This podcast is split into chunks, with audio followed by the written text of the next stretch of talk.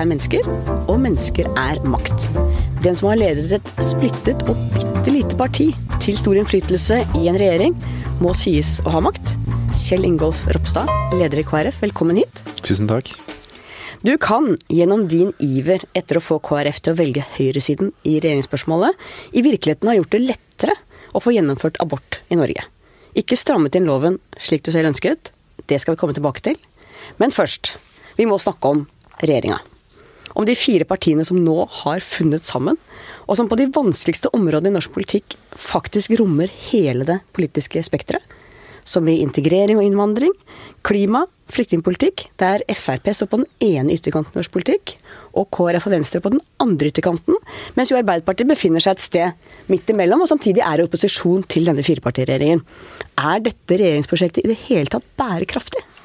Ja, jeg mener jo det. Og jeg mener når de fire partiene har funnet enighet, så er det både gode løsninger som kan stå seg over tid, men, men jeg mener flyktning-, innvandrer- og integreringspolitikken egentlig har vist gode løsninger. Der vi både har økt antall kvoteflyktninger, som jeg har veldig tro på, fordi gitt en streng og rettferdig innvandringspolitikk, så mener jeg at det er bedre å ta imot flere kvoteflyktninger. Og så fant vi i sin tid òg løsninger for asylbarna, som hadde vært her veldig lenge. Samtidig som vi fikk en kanskje sterkere innsats for de kriminelle asylsøkerne, de som var uten opphold, og òg eh, å kunne få sendt de tilbake igjen. Så jeg tror liksom løsningene funnet i fellesskap har veldig ofte vært gode. Men det, men det er et stort sprik. Ja, det, det, er det største spriket egentlig i politikken. Ja, og det viser jo at utfordringene på sakene, både med måten en, en, eller innfallsvinkelen i spørsmålene, gjør det jo mer krevende. Men når vi setter oss ned, så har jeg veldig ofte opplevd at vi finner gode løsninger sammen. Men jeg skal innrømme at det har vært krevende å finne løsningene. Og hvordan ser du KrFs og din egen rolle oppi dette? I, i noen av spørsmålene så er jo kanskje vi òg litt mer i sentrum, i, i, eller ikke nødvendigvis ytterpunktet. Eh, men, men jeg er iallfall veldig opptatt av at skal denne regjeringa lykkes, så, så, må en jo prøve å finne gode løsninger sammen. Det gjør vi med å snakke sammen eh, og, og diskutere sammen. Og du har holdt en ganske lav profil, egentlig, når det har storma som verst mellom de andre? Ja, jeg har iallfall prøvd å eh, ta uenighetene internt, da. Min stil er nok det er veldig tydelig på hva jeg vil for noe. Eh, sånn at de andre partiene er veldig klar over hvor KrF stender. Og så sier jeg det tydelig internt, og så sier jeg jo fra innimellom ut av det òg. Men, men, skal du finne løsninger, så tror jeg at det er lettere når minst mulig av debatten er på utsida. Så, så, sånn sett er det vel kanskje òg vært gjennom valgkampen, og en viktig bit for meg å kunne ta det internt. Og så tror jeg jo at landet sånn sett eh, skriker jo etter en styringsdyktig regjering, og i en mer kaotisk verden så, så tror jeg jo at uh, det er et ønske fra veldig mange, og mitt ønske er iallfall at denne regjeringa skal klare å kunne sidde ut perioden, klare å finne gode løsninger sammen, og da må det jobbes med på den måten. Hvis skulle setter en månedslønn på om dere alle fire sitter i regjering eller ikke, stortingsvalg om to år, hva ville vil du satt månedslønna di på da? er det mye penger? Eh, ja, det er egentlig det. Altså, for jeg tror at det vil eh, kunne gå gjennom perioden. Eh, og så, så har det vært altså Det er jo alltid sånn i politikken, og det er kanskje blitt mer obs på sjøl òg, at landsmøter er en litt krevende tid. For da spisses primært primærpolitikken. På samme måte er jo valgkamp òg det samme, fordi du vil vise at folk skal stemme KrF framfor Venstre eller Høyre eller Arbeiderpartiet. På samme måte er det for alle partier at en, at en finpusser sin profil, og det gjør jo at forskjellene blir større. Eh, så, så, ja, det var krevende i valgkampen. Og så må vi jo komme inn i det sporet der vi faktisk viser at vi fortjener jo å få gjenvalg i 2021, som, som er en bratt oppoverbakke, men som jeg mener er mulig. Og nå er det jo egentlig vinn eller forsvinn for KrF. Dere krøp så vidt over sperregrensa på 4% i kommunevalget nå. Det dårligste resultat for partiet siden dere ble et landsdekkende parti i riktig gamle dager. Og du kan enten bli mannen som gjenreiser KrF og får tilbake som en kraft i politisk, norsk politikk, eller du kan bli mannen som leder partiet idet det forsvinner under sperregrensen, og kanskje til og med helt ut av Stortinget. Hvordan ser du egentlig på framtida, din egen og partiets? På mange måter så tenker jeg at jeg har alt å vinne. Eh, du kjøper det med vinn eller forsvinn? Ja, det gjør jeg. Eh, det blir iallfall veldig veldig krevende å løfte KrF igjen dersom vi havner under sperregrensa og kommer Jeg tror ikke vi forsvinner helt ut, jeg tipper vi får ett eller to mandater. Rogaland og kanskje en til? Ja, eh, men, men, det vil være veldig krevende å bygge opp igjen partiet på. Selv om det er mulig, jeg skal ikke avskrive det her. Venstre har jo stått opp fra de døde noen ganger. Ja, og da bør iallfall KrF kunne, kunne klare det. Men, men men jeg tror, jeg tror, veldig på at eh, når vi starter prosessen med uh, samarbeidsspørsmål, om en skulle gå inn i dagens regjering eller Arbeiderpartiet, Senterpartiet, så, så, var det veldig klart for meg at vi måtte gjøre noe. Fordi den retningen det bar, ville ikke gått. Eh, og da tenker jeg på 2021 og at opposisjonsrollen tror jeg ville vært for krevende. Selv om vi fikk mange gode gjennomslag, så, så fikk vi ikke et prosjekt, vi hadde ikke et regjeringsalternativ inn i valgkampen i 2021. Det var litt i dødens dal, egentlig? Ja, eh, og derfor måtte vi ta et valg. Og det var vi enige om. Og når den prosessen ble starta og, og Knut Arild valgte den retningen han ønska, og, og, jeg og Olaug pekte en annen retning, så, så, var jeg veldig klar over at ja, eh, det kan godt være at eh, denne, dette ansvaret kommer til å havne på, på meg og, og Olaug Bollestad, da. Men, men, jeg var jo veldig klar over at hvis ikke vi gjorde noe, så tror jeg at alternativet ville fort vært at vi ikke hadde klart å løfte partiet igjen. Så, så jeg tror nok jeg vil prøve å minne meg sjøl på at her er det mye vind. Eh, og så gjør vi så godt vi kan, og så har jeg tro på at det, det skal være mulig. I Sverige så gjør Kristendemokratene det mye bedre enn KrF her i Norge. Hvordan forklarer du det? For det første så er jo Sverige Sverige og Norge Norge. og I det landskapet de er, så, så har det jo vært stor frustrasjon rundt Sverigedemokraterna. Og jeg, eh, jeg, tror at det, du kan ikke komme utenom eh, Ebba Busch Thor sin tilnærming til Sverigedemokraterna på at det òg har gjort at hun både har trukket til seg noen velgere, men òg vært kanskje det tydeligste partiet for en opposisjon, eller liksom der, der Moderaterne eller Høyre egentlig har vært litt mindre tydelige, så har hun blitt på en måte fyrtårnet på at en må ha en ny regjering og være tydelig og søke sammen. Samtidig som hun òg, da, er jo en fantastisk politiker. Ekstremt dyktig. Karismatisk. Karismatisk, god i debatter. Eh, og kjører saker på en, en utrolig imponerende måte. Eh, breie saker som helsepolitikk og helsekøer og eh, Har dere mye kontakt, dere to? Eh, ikke så veldig mye, men jeg kjenner jo litt fra, fra ungdomspolitikken. Eh, så det er iallfall en politiker jeg ser opp til. Eh, hun er utrolig dyktig. Hun er mye spissere og tydeligere enn både du og andre KrF-ere er? Er det et bevisst valg fra deres side å ikke ha den samme skarpe tydeligheten som hun har? Jeg tror nok òg det må settes inn i en kontekst Sverige og Norge. Samtidig som, som KrF nok alltid vil være et tydeligere sentrumsparti enn det, enn det kristdemokratene i Sverige nå posisjonerer seg. Men du har jo valgt dere litt mer i retning eh, ja, altså, men, men, jeg eh, mener jo at det er litt sånn situasjonsbestemt. Eh, og var ikke i tvil om at det var med Høyre vi kunne få, få, mest mulig samarbeid, og trives veldig godt i, i den sentrum-høyre-alliansen. Betyr det at KrF under din ledelse i en annen situasjon i framtida kanskje kan velge den andre sida? Jeg skal iallfall ikke avvise at den prinsipielt er et sentrumsparti, og derfor sånn som i lokalvalgkampen så har jeg vært opptatt av at en kan se ulike konstellasjoner lokalt. Eh, men jeg ser ikke for meg det nasjonalt Eh, Iallfall ikke og Uansett så tror jeg vi har en god regjering som skal, skal fortsette. Eh, men, men hun er iallfall i Sverige da, klart å posisjonere KD eh, på en god måte. Og jeg tror òg når det gjelder innvandringspolitikk i Sverige, så har det vært en mangel på debatt som har dessverre vært krevende for Sverige.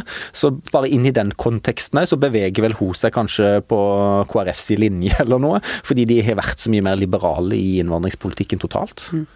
Det er jo en lang og egen historie som er veldig interessant, mm. hvordan debatten har svingt i Sverige. I Tyskland der er jo kristendemokratene store, selv om de sliter nå. Eh, og flere tidligere KrF-ledere har jo prøvd å gjøre ditt parti til et mer klassisk kristendemokratisk europeisk parti, og mindre av en menighet. Og Sist så var det Knut Arild Hareide for mange år siden som fikk fjernet den såkalte bekjennelsesparagrafen i partiets vedtekter, som jo sa at tillitsvalgte måtte være bekjennende kristne. Men det endret allikevel ikke ikke mye på partiets profil. Mm. Hvordan ser du KrF i lys av alt dette? Ja, jeg mener at det var, det var et, et, viktig grep å ta. Jeg var, var KrFU-leder når vi fjerna bekjennelsesparagrafen først i KrFU, så vi, vi peker på en måte å rydde vei for, for, KrF. Og jeg mener det var prinsipielt viktig, eh, bare for òg dette her skillet mellom ja, politikk og kristendom hører sammen. Men det er jo noen skiller her. Eh, så, så, så det å skille teologien fra politikken har vært viktig for meg. Og, men, men, jeg tror altså, Kristelig Folkeparti vil alltid være et parti som er opptatt av kristne verdier og eh, personer som har en tro tro, eh, er opptatt av at kristne verdier er noe positivt i samfunnet, vil alltid være nærmere KrF enn de som mener det motsatte. Eh, så, så jeg tror ikke det grepet alene eh, vil være det viktige. Skulle du ønske at dere beveget dere nærmere de mer sånn, si, europeiske kristendemokratiske, bredere partiene? Jeg, har iallfall et mål om at KrF skal bli enda mer styringsparti, eh, og klare å ha fokus på, på de større sakene. Da. og Derfor så, så er jeg iallfall, apropos disse spørsmålene om regjering nå, veldig opptatt av at vi finner gode løsninger på større, breie spørsmål. Eh, og så som, som, leder av partiet, så er jeg jo samtidig opptatt av at KrF skal skille seg ut, og enten det er å løfte kristne verdier, eller familiepolitikk, eller fattigdomsklimabekjempelse. Så, så, så, så jeg tror kombinasjonen med at vi må bli flinkere som CDU i Tyskland til å være styringspartiet. Der må KrF òg ta en sterkere stemme på de større sakene. Da. Men det er veldig skrevet, vanskelig for et lite parti. da. Vi har jo skrevet mange ledere i VG om KrFs helt uansvarlig økonomisk politikk, hvor det er mer penger til alle. Men det virker som du har en litt sånn ny retning på nøkternhet og business og eh, Tenker du at du legger en litt ny retning for KrF når det gjelder økonomisk politikk, eller? Ja, på mange måter syns jeg ikke den er så ny, samtidig som jeg skjønner Jeg syns det. Ja, ja, jeg skjønner hva du beskriver. og det er klart Min frustrasjon var at når vi kom inn i regjering, i revidert, så fikk regjeringen kritikk på at vi brukte mer penger. Men var, jeg satt i disse møtene og snakka om at vi skulle bruke mindre penger, eh, og syntes det var andre i den regjeringen som hadde fortjent den, den kritikken. Og, eh, og jeg snakka nå til landsstyret mitt òg om, om om eh, forvalteransvar, at det handler om klima, det handler om miljø, men det handler om å forvalte ressursene i et generasjonsperspektiv. Litt Hans Nilsen Hauge? Ja, jeg har brukt det som et uh, eksempel. Uh, og jeg mener at mye av det han snakker om, ja, han var lekpredikanten og, og på en måte Fortell kort til de av lytterne våre som ikke kjenner ja. ham. han levde jo for et par hundre år siden, betydde enormt mye for, for kristendommen. Og, og, lekmann, han gjorde jo opprør mot establishmentet på den tida, og gjorde at vanlige folk kunne forkynne, som jo ikke var, var lov på den tida. Reiste rundt i landet, hadde laga vennegrupper, som betydde enormt mye for utbredelsen av kristendommen og det, det betydde mye. Men samtidig så gikk han rundt og strikka, er jo ofte bilder på det. Han utnytta tida, eh, men han var opptatt av at mennesker òg trengte en jobb å gå til, og, og, og var opptatt av skaperkraften. da. Så vel så mye som du finner bedehus eh, der han reiste, så finner du òg en, en, sterk hjørnesteinsbedrift. da. Eh, og det er jo det perspektivet jeg ønsker å minne KrF-erne om. At skal vi ha noe å fordele, så må vi òg skape verdier. Og kanskje når jeg snakker menneskeverd, så er det mange spørsmål som, som dukker opp i huet på folk, men vel så mye så er det jo det han jobber å gå til. Det å bruke de kvalitetene, de egenskapene vi har, som heldigvis er forskjellige, eh, på noe meningsfullt og kunne bidra i samfunnet, det tror jeg betyr enormt mye for mennesket. Og det betyr enormt mye for samfunnet at det genererer penger som vi kan fordele. Så, så ja, eh, mitt mål er iallfall både å ha, være et parti som er opptatt av at det skal skapes verdier, skapes arbeidsplasser, og opptatt av ressursbruken. Så vil jeg sikkert få kritikk av VG allikevel på at vi, vi er opptatt eller utålmodige å bruke mer. For det, det, er en viktig del av partiet det sosiale engasjementet om å, å slåss for de som, som har det vanskelig. Vi har snakket litt om eh, forrige høsts partistrid. Eh, vi var mange, også jeg, som spådde at KrF etter dette ville bli et smalere og mer menighetspreget eh, KrF, konsentrert om Sør- og Vestlandet, mens Hareides mål var et bredere parti med et større vekstpotensial. Selv om du sto på motsatt side, så du noen av disse aspektene i det veivalget dere sto overfor? Ja, eh, jeg gjorde for så vidt det. Fordi at eh, når en har vært et parti som tradisjonelt har samarbeidet med Høyre, eh, sentrum Høyre, og for så vidt de siste fem årene hadde hatt samarbeidsavtale og tett samarbeid med, med dagens regjering, så, så, er det jo alltid klart at det er jo spennende å se hva kunne det blitt hvis den hadde gått til totalt motsatt side gått i regjering med Arbeiderpartiet for første gang. Eh, og det å se på hva det potensialet der er for noe, det, det er jo spennende. Samtidig som jeg er jo usikker på hva hadde blitt igjen av liksom særegenheten av KrF. Av sjela? Ja, det, jeg vet ikke om jeg skal gå så langt, men iallfall eh, Du må jo skille deg ut som et parti òg, da, på hva som er grunnen til at du til slutt skal, skal stemme på det.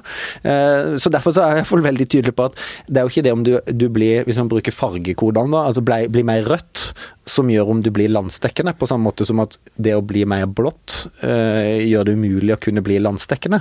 Så jeg har en veldig klar ambisjon nå, eh, når vi nå har to år, som høres langt ut, men som er veldig kort i politikken, om å bygge organisasjon i alle deler av landet. Og målet skal jo være at vi kan være representert fra større deler av landet enn det vi er nå. Eh, og hvis du ser sammenlignende da 2019-valget eh, med 2017-valget, så ser en jo at oppslutningen er ganske lik mange steder, og, og sånn sett er gått ned òg i de såkalt uh, tydelige Bibelbeltet? Ja. Eh, der har vi jo dessverre gått, gått, tilbake. Så selv om det for partiet sin del er mer sårbart å gå fra én i kommunestyret til null, enn å gå fra fire til tre, så, så, så, så, ja, så har vi en jobb å gjøre i hele landet, da. Vi må snakke om abortloven. Du brukte den som et, en viktig brekkstang for ditt syn. Og du ga dine egne partifeller inntrykk av at dere sammen med statsminister Erna Solberg kunne endre abortlovens 2c, som handler om senaborter. Og dere ønsket å endre kriteriene for abort etter uke 12 i nemnd, slik at det ikke lenger skulle være nok med alvorlig sykdom hos fosteret, men dere ville ha inn at det bare skulle innvilges dersom fosteret ikke var levedyktig. Og Erna Solberg selv bygget jo opp under inntrykket av at loven skulle endres. Og sånn gikk det jo slett ikke, tvert om. Og nå har vi fått en ny omfattende debatt, der stadig flere tar til orde for å heve grensen for selvbestemt abort til uke 18. Og hele abortloven er i spill. På grunn av deg og Erna Solberg. Hvordan kunne du bomme så fundamentalt? Først og fremst vil jeg jo si at jeg hadde oppriktig tro på at vi òg kunne endre 2C. Jeg var jo glad for at vi fikk til endringer knytta til, til tvillingabort, men, men, jeg trodde at det var mulig. Og det er noe med i politikken, så I en normal setting så ville jeg aldri hatt en mulighet til å få til sånne type endringer. Men det ble skapt et momentum. Men det ble jo ikke det. Alle skjønte at det aldri ville bli flertall for det. Ja, jeg var ikke enig i det, eh, og trodde at det var mulig eh, å få det til. Eh, og jeg tror sånn sett, når det gjelder bare tvillingabort òg, så tror jeg kanskje ikke det har vært mulig å få til den endringa heller. Igjen, hvis du kan bruke gåseøyne, normal situasjon etter et valg, en setter seg ned rundt bordet. Der er jeg helt uenig med deg. Ja. Jeg tror tvert om. Jeg tror det hadde vært mye lettere å få gjennomslag for tvillingabort, for det er helt annet rasjonale bak det. Med en mye bredere forståelse i storsamfunnet bak, hvis dere ikke hadde kjørt 2C, som jo i realiteten mm. undergraver kvinnens selvråderett dere gjorde også tvillingabortspørsmål til et KrF mot de andre spørsmål, mm. som jeg mener også ødela mye av den debatten. Som du vet så var VG og vi var eh, ja. for endring i tvilabort, men veldig mot endringer i 2C. Og vi var omtrent det eneste, var omtrent ikke mulig. Jeg kunne ikke, jeg som har forsvart abortloven hele livet mitt, kunne ikke Jeg demonstrerer ikke uansett, men i prinsippet kunne ikke jeg gått ned og demonstrert for støtte for abortloven der nede foran Stortinget, fordi jeg også da måtte demonstrert mot endring i tvillingabortloven. Det tror jeg ikke hadde skjedd hvis ikke dere hadde kjørt så hardt på det som egentlig var umulig, og også helt feil rent saklig sett når det gjelder, mener jeg da, kvinnens selvråderett. Ja, det, for det interessante er at uh, når jeg kom inn i politikken. Eh, jeg meldte meg inn i 2000 eh, og ble mer og mer engasjert, så, så gikk det jo en debatt om den såkalte Mehmet-saken og endring i bioteknologiloven. Så min tilnærming til abortdebatten har egentlig alltid vært det vi kaller sorteringssamfunnet. da, eh, Bioteknologiloven og den type endringer. For meg så har det alltid vært sånn alle de andre paragrafene i abortloven dreier seg om, om kvinner, sånn utgangspunkt i det, mens paragraf 2c da, den dreier seg om egenskapene til barnet, og at det på bakgrunn av det Uh, ut ifra. Det er jo heldigvis ikke liste med diagnose, men det, det, det, er langt på vei i det. Det er derfor en, kanskje feilaktig har kalt det av og til for Downs-paragrafen. Uh, men for meg så var det viktig å sende et signal om at det er ikke egenskapen med barnet som gjør om det er et liv som er verdt å leve. Uh, så, så, det handler mer om det prinsipielle inngangen på det. Og jeg mener at en kunne fått til endring med helst bare fjerne hele paragraf 2c, og så eventuelt ville en fått innvilga abort på andre kriterier. Men da handler det om storsamfunnets, altså loven, normenes inngang til hva er et liv som har verdi. da.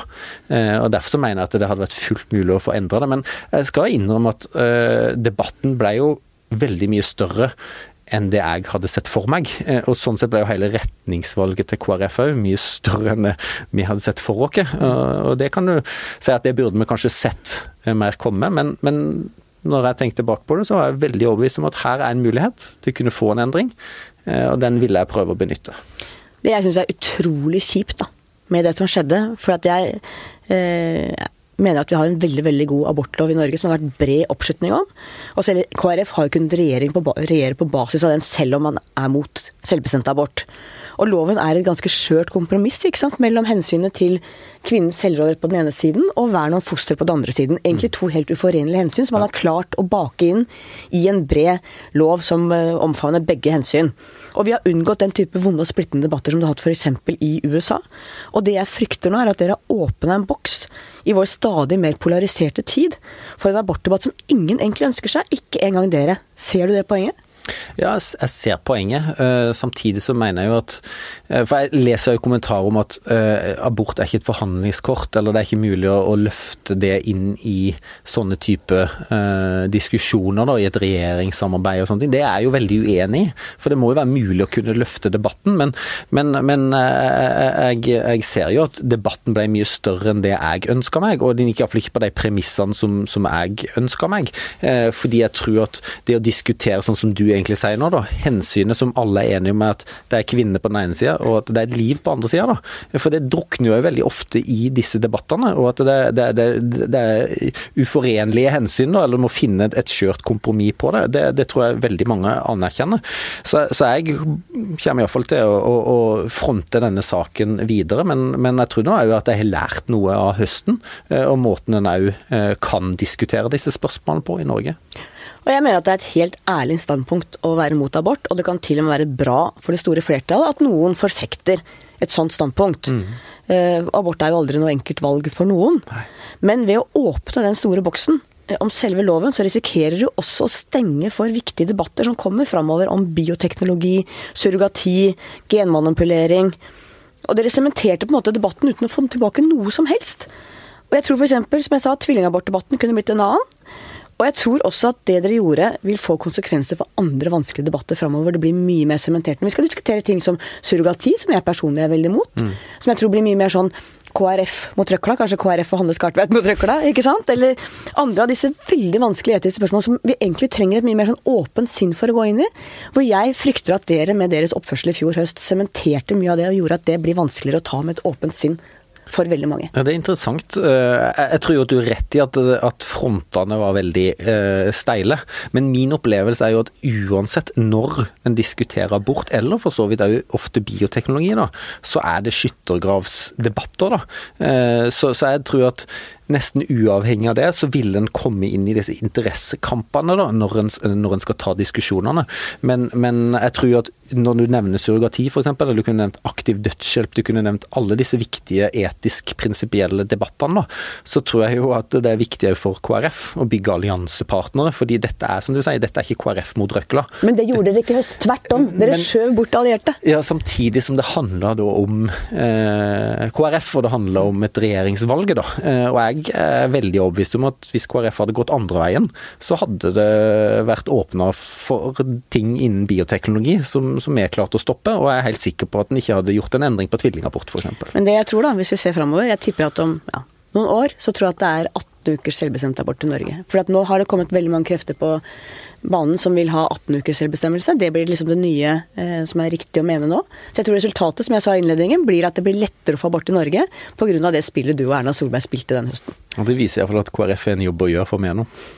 Hva er ditt alternativ til dagens abortlov?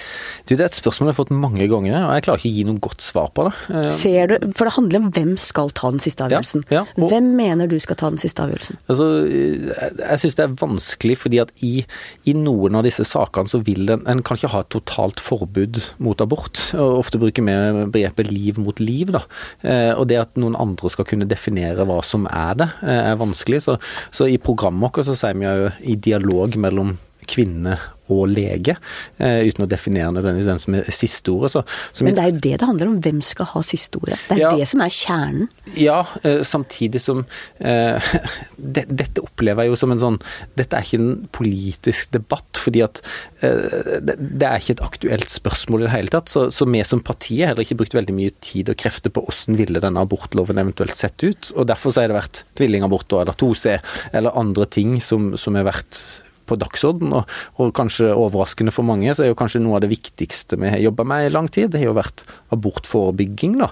Så Det som står i regjeringsplattformen, som jeg tror veldig få vet om, er jo at vi skal redusere aborttallene med en tredjedel innen 2025. Og det er vi i god linje til å nå, både pga.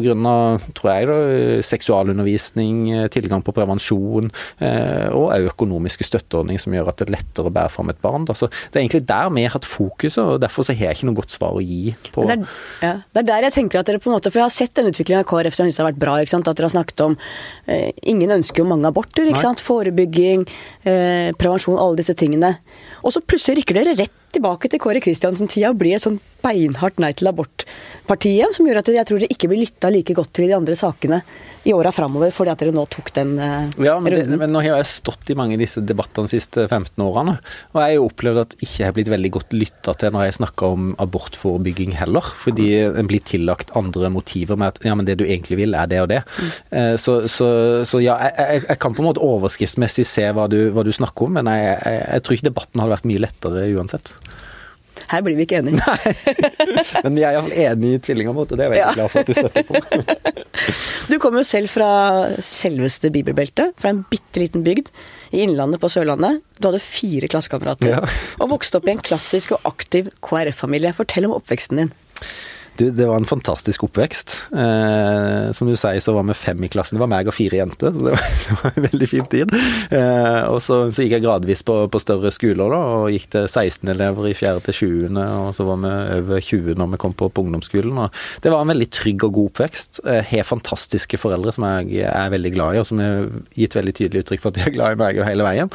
Så når, når, folk snakker om alt det vonde som har skjedd i oppveksten, så, eller ikke nødvendigvis alt det vonde, men, men, men så har jeg veldig lite å peke på som jeg, jeg hadde veldig trygt og godt. Hadde gode venner. Utrolig glad i fotball. Det var liksom fotball det dreide seg om før politikken tok, tok overhånd. Eh, og det var en veldig fin plass å vokse opp. så jeg måtte innrømme det at jeg som barn gikk rundt og syntes synd på alle som vokste opp i by.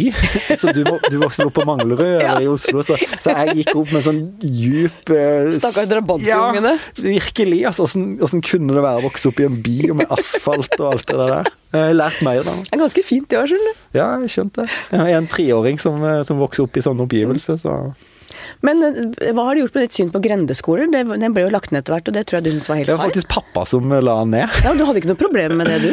Eh, nei, jeg hadde jo ikke Men nå var jeg ferdig med det. Det var bare én til tre, da. Eh, jeg, tror, jeg, tror, alle bare så at det var så få elever der, og at vi måtte kjøre buss i, i ti minutter, det, det, er vel ikke så veldig mye i den store sammenhengen. Så du tenker at det er alle de som er redde for lokalskolen sin, at det er argumenter begge veier? Ja, det er det. Altså, den undervisninga vi hadde var helt topp. Altså, vi, vi klarte oss veldig greit, men, men, jeg ser jo at det kan være utfordrende. Og hvis du mistrives på en annen skole, så er det kanskje enda vanskeligere òg. Men, men, dette handler jo først og fremst når du er seks år, eller jeg begynte jo på skolen da jeg var sju år. Men, men, det å måtte kjøre en halvtime, time i buss, det er jo heller ikke optimal. Men dette er jo krevende balanser rundt forbi. Faren din var altså bankmann og ble ordfører gjennom mange, mange år. Hva slags type var han? Um, han er en person som er veldig til stede, bortsett fra når han opp mobilen, da. Da faser han ut. Men, men han, han, bryr seg oppriktig om folk. Det var veldig slitsomt, fordi at eh, når vi gikk på butikken eller uansett hvor vi var, så kom vi jo aldri videre, fordi han skulle alltid snakke med folk. Eh, og så, så han, har alltid brydd seg om folk, og han, fikk jo 40 oppslutning eh, for fire år siden da han stilte som ordfører. Eh, nå, nå er han blitt, eh, eller iallfall avtale om å bli fylkesvaraordfører hvis det, hvis det går veien. Så, så, jeg tror han er en person som alltid har vært veldig godt likt. Så det eneste jeg var overraska over etter valget sist, var vel at det var KrF sin alkoholpolitikk som plutselig fikk gjennomslag, og ikke bare pappa ble ordfører. Den så ikke folk komme, eller? Nei. Nei. han var ordfører i 20 år, og det er riktignok en liten kommune, men, men, det sier veldig mye om at uh, han ja, en godt likt person. Og moren din, lærer, beskriv henne. Mamma er veldig god, og så er hun veldig bekymra. Eh, Alle mødre er det. Ja, ja, jeg tror kanskje sånn gitt det siste året mitt òg, så har kanskje hun vært uh, mer bekymra enn det, det, jeg har vært. Uh, hun, hun, er kanskje den som har kontroll i familien da, og, og, og styrer og har det siste ordet i de viktige spørsmålene. Uh, så mange tror at det er pappa som bestemmer, men sånn er det ikke. Og, og, det vi opplevde veldig tydelig, var jo en mor som virkelig stilte opp for ungene sine, og som, som ofrer fremdeles alt hun kan for, for barnebarn. Så, så, jeg og Ofte har jeg følt at jeg nesten må forsvare at jeg har hatt en så god barndom og har så gode foreldre, men jeg tenker tvert imot er jo det et fantastisk eksempel på at jeg, ja, jeg er veldig klar over at det, det, er mange som ikke får lov å ha det sånn, men, men, det å kjempe for at enda flere skal få den muligheten, tenker jeg er noe av det viktigste jeg tar med meg inn i politikken òg, Hva er det beste, og hva er muligens det vanskeligste ved å nettopp ha en så trygg og harmonisk eh, barndom som du har? Det, det beste er jo utvilsomt at vi var veldig trygge, eh, og, og at jeg òg kjente meg elska. Og, og, og, selv om jeg sleit i oppveksten med både åssen vi var fin nok eller god nok, alt dette som jeg tror de fleste ungdommer kjemper seg gjennom, så, så, hadde jeg en veldig trygg og god base hjemme. da, og det kjenner jeg på fremdeles, at det å alltid eh, bli tatt godt imot når du kommer hjem, det, det, det er jo fantastisk og betyr enormt mye. Eh, og så kanskje noe av det verste er jo vært bare å, å, å innse at det er ikke alle som har det sånn. Eh, når jeg etter hvert begynte å, å, se hvor heldig jeg var. Eh, og så kan det jo godt være at en har vanskelig å forstå hvordan det er å vokse opp i en heim der du blir utsatt for vold eller overgrep hver eneste dag, eller lever i frykt for det. Da. Og jeg jobba mye på jeg sa det, justiskomiteen på Stortinget forrige periode, og ett av fem barn utsettes jo for vold. Eh, hver tiende jente eller kvinne blir utsatt for en voldtekt. Så liksom, omfanget er enormt. Eh, og det kan godt være at, at det til lengre tid eller er mer krevende å sette seg inn i når en har hatt en, en, god oppvekst. Ja, for mange vil si at den som er vokst opp i stor rikdom, aldri kan forstå hvordan det er å være blakk, ikke sant. Mm. Og at det som har vokst opp med stor trygghet og kjærlighet, da det er kanskje vanskelig å forstå, som du sier, hvordan det er å ikke ha det sånn. Ja, jeg tror iallfall ikke jeg skal påstå at jeg kan forstå hvordan de har det. Eh, fordi det, det, det, tror jeg ikke jeg har mulighet til. Men skulle du av og til ønske at du hadde noe mer kjøtt på beina, i den forstand at du hadde sett mer trøbbel på nært hold, om ikke egen familie, så i hvert fall rundt deg da du vokste opp? Jeg har jo sett eh, ting på, på, på, nært hold, eh, det, det, har jeg. Eh, men jeg er veldig glad for at jeg slapp å oppleve det sjøl. Eh, og det tenker jeg min fremste, viktigste oppgave eh, som iallfall barne- og familieminister, da, er jo nettopp det å sikre at alle barn får en god og trygg oppvekst. Og så vet en at det, det er veldig mye å strekke seg etter, men å kjempe for, iallfall.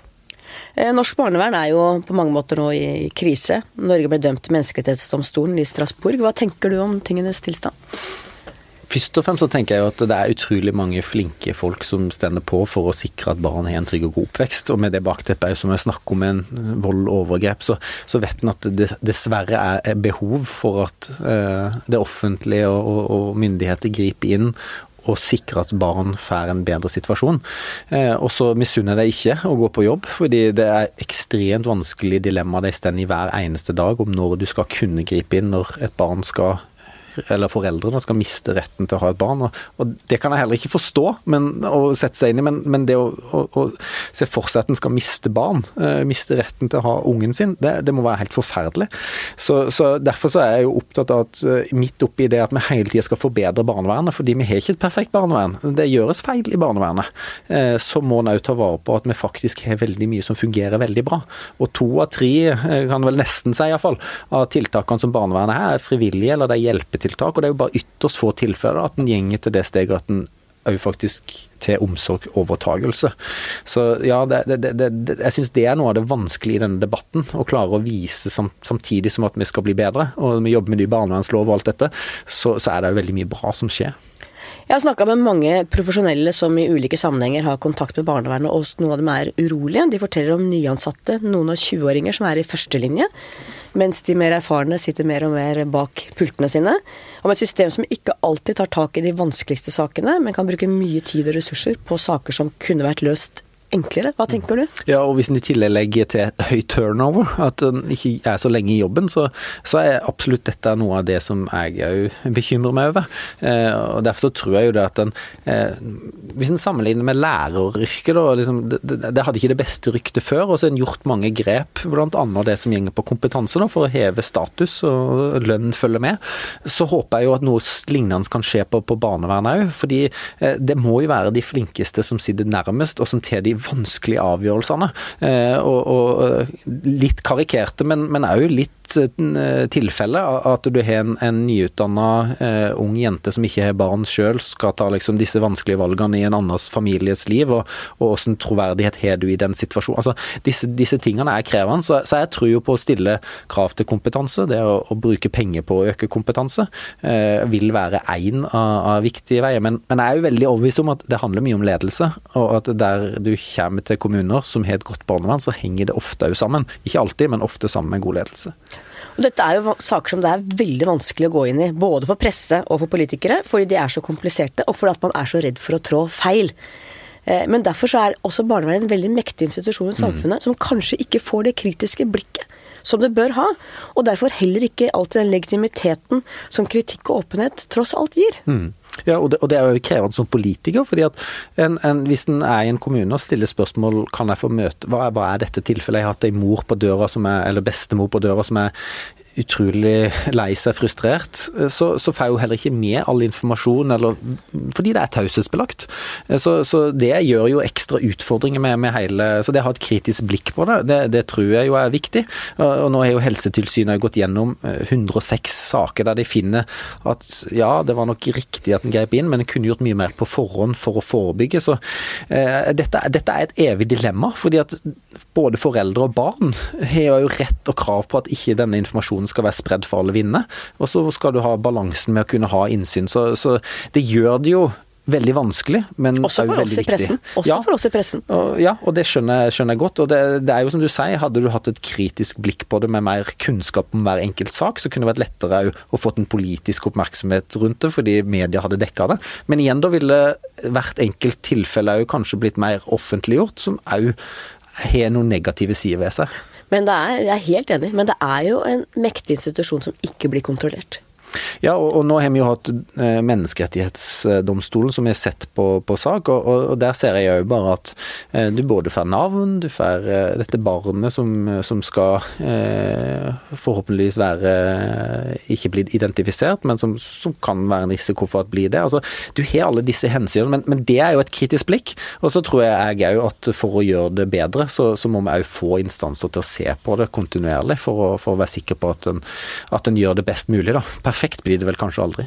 Nei, det tror jeg ikke. Og, og sånn sett så er det jo, midt oppi alt dette her, så må en jo minne om at sannsynligvis så er det jo veldig mange barn som burde fått hjelp, og til og med omsorgsovertagelse der det ikke skjer i dag. Eh, og så eh, skal du for all del unngå at barn blir tatt uten at, eh, at det skulle vært, vært en omsorgsovertagelse.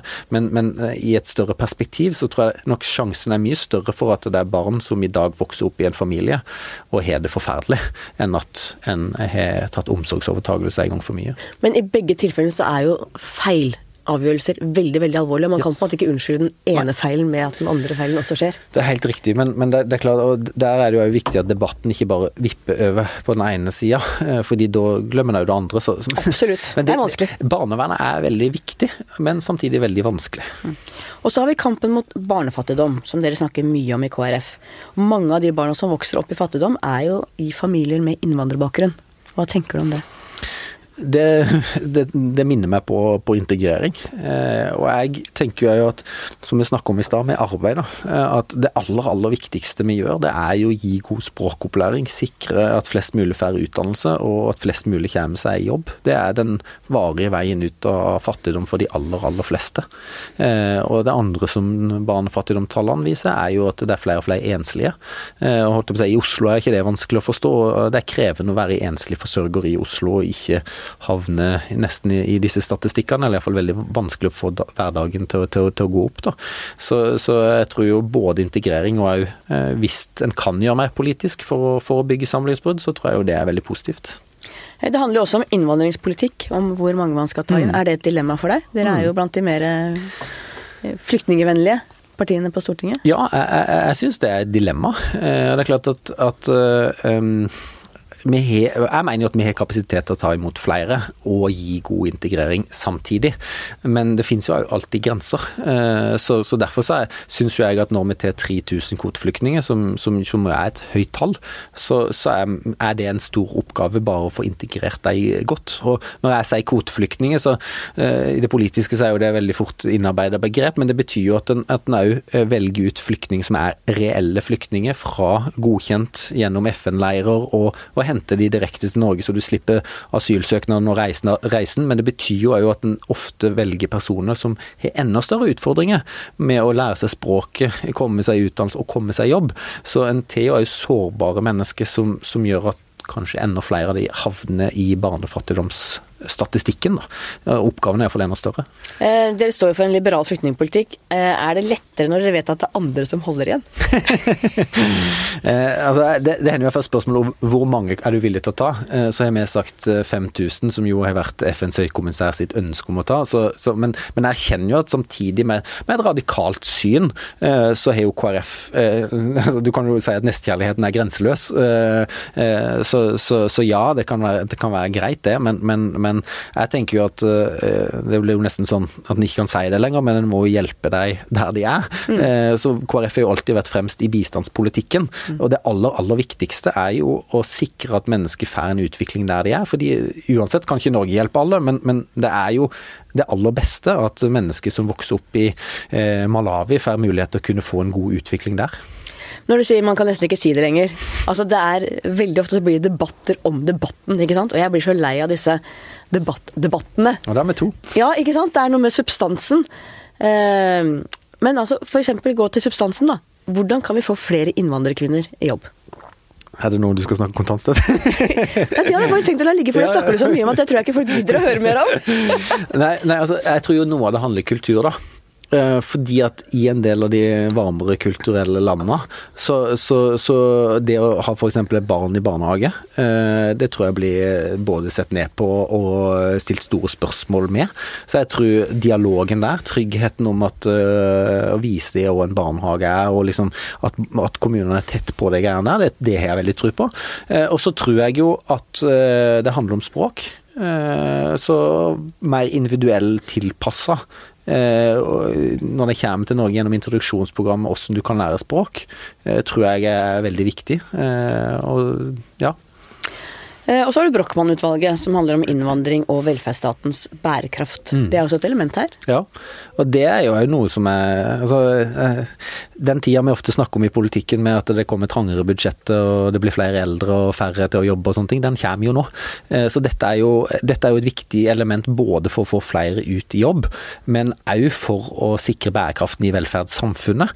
Og Derfor så tror jeg at de ganske tøffe debattene kommer til å være. og Vi har vært gjennom en vanskelig debatt om arbeidsavklaring overgangspenger, der KrF har fått mye kritikk. Men for å liksom heve så, så, så vet det er jo ikke lenge siden Arbeiderpartiet selv foreslo å kutte arbeidsavklaringstida til to år, nettopp fordi det handler om å få avklaringer raskere.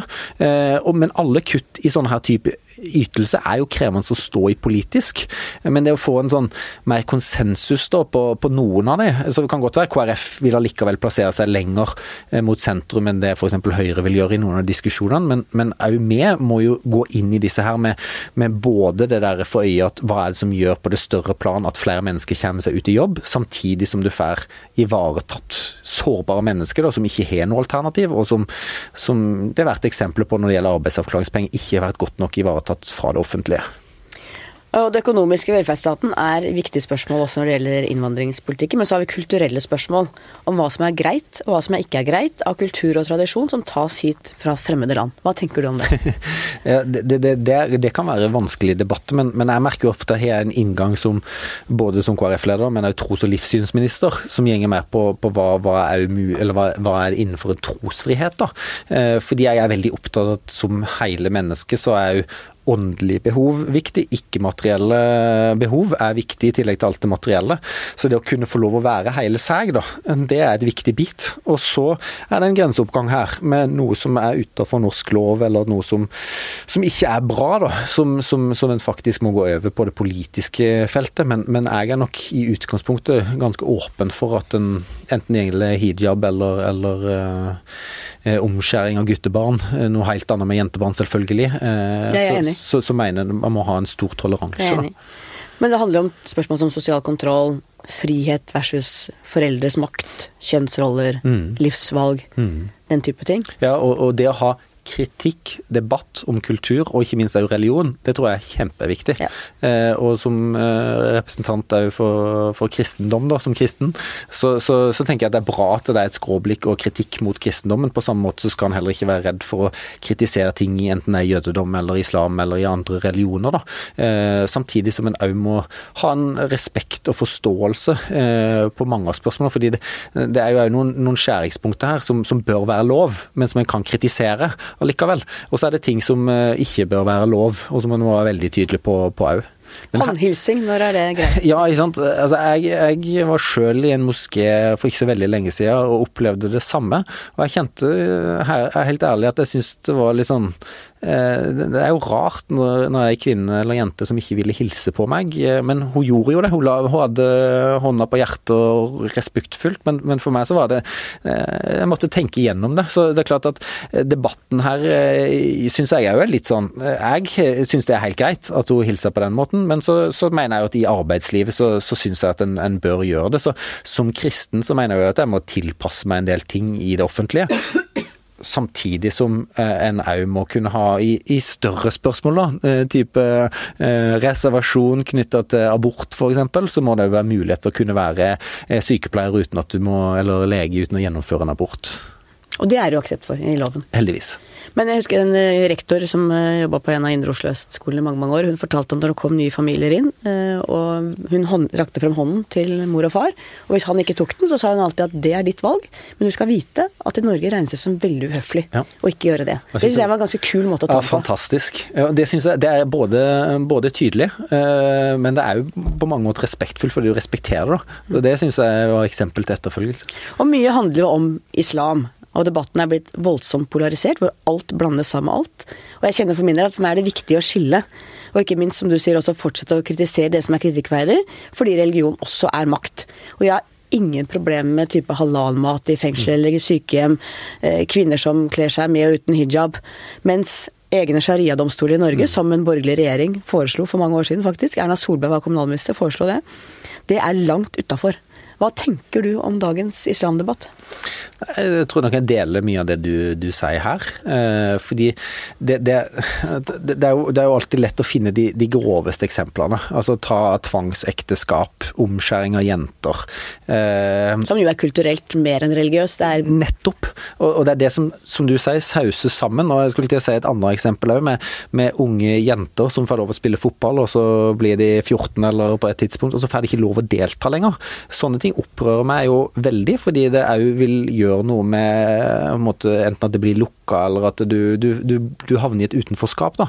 Så, så det å kunne ha en saklig, god diskusjon, kritikk knytta til dette her, eh, og dialog, uten at du på en måte gjenger på enten det er det kulturelle, eller at en sauser alt sammen, eh, det, det hadde jo vært veldig bra. Men sånn debatten er nå, så er det jo veldig krevende. Så jeg har snakka med unge muslimer som, som, virkelig gruer seg for å gå ut, og særlig jenter. da, som, eh, Men det kan òg være gutter som, som, ikke engang er muslimer, men som har utenlandsk utseende og blir tatt for å være muslimer.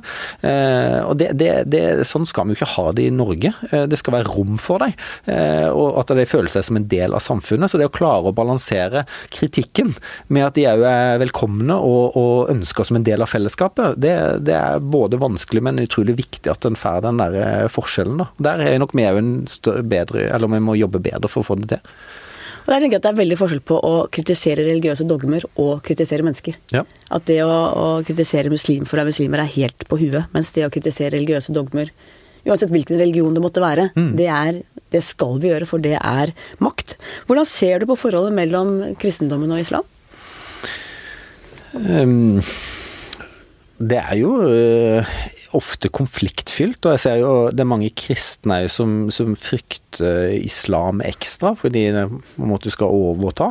Um, jeg, jeg, er veldig avslappa fordi at jeg tenker at uh, det er kirke trossamfunn sin oppgave å forkynne det kristne budskapet. og derfor så, men Nå er jeg, veldig opptrent jeg i liksom skille på hva jeg som politiker mener, og, og, på en måte hva som er den kristne og, uh, sfære eller oppgave i, i, det religiøse miljøet sin, sin oppgave. Da. og Derfor så tenker jeg at jeg, jeg, har noen ganger sagt at det er ikke det at det kommer muslim til Norge som, som, er, som er, frykten, det er jo heller at det er, det er farlig å si det, men humanetikere eller, eller, eller ikke-troende som, som, aktivt jobber for å, for å få kristne verdier vekk fra samfunnet. da. Sekulariseringen. Ja, det er kanskje bedre ord. Og De store juledebattene, der tror alle at det er muslimer som ikke vil ha julegudstjeneste, ja. så er det Humanitisk Forbund og Jens Brun Pedersen som kjører det hvert år. Ja.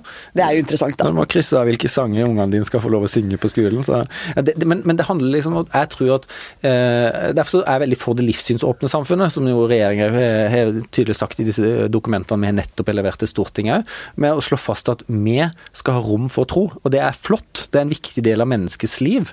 Eh, og at det er positivt for samfunnet at det er troende mennesker, organisasjoner som er inspirert av tru, som enten driver skoler, helsearbeid, rusomsorg, alt det diakonale, flotte arbeidet.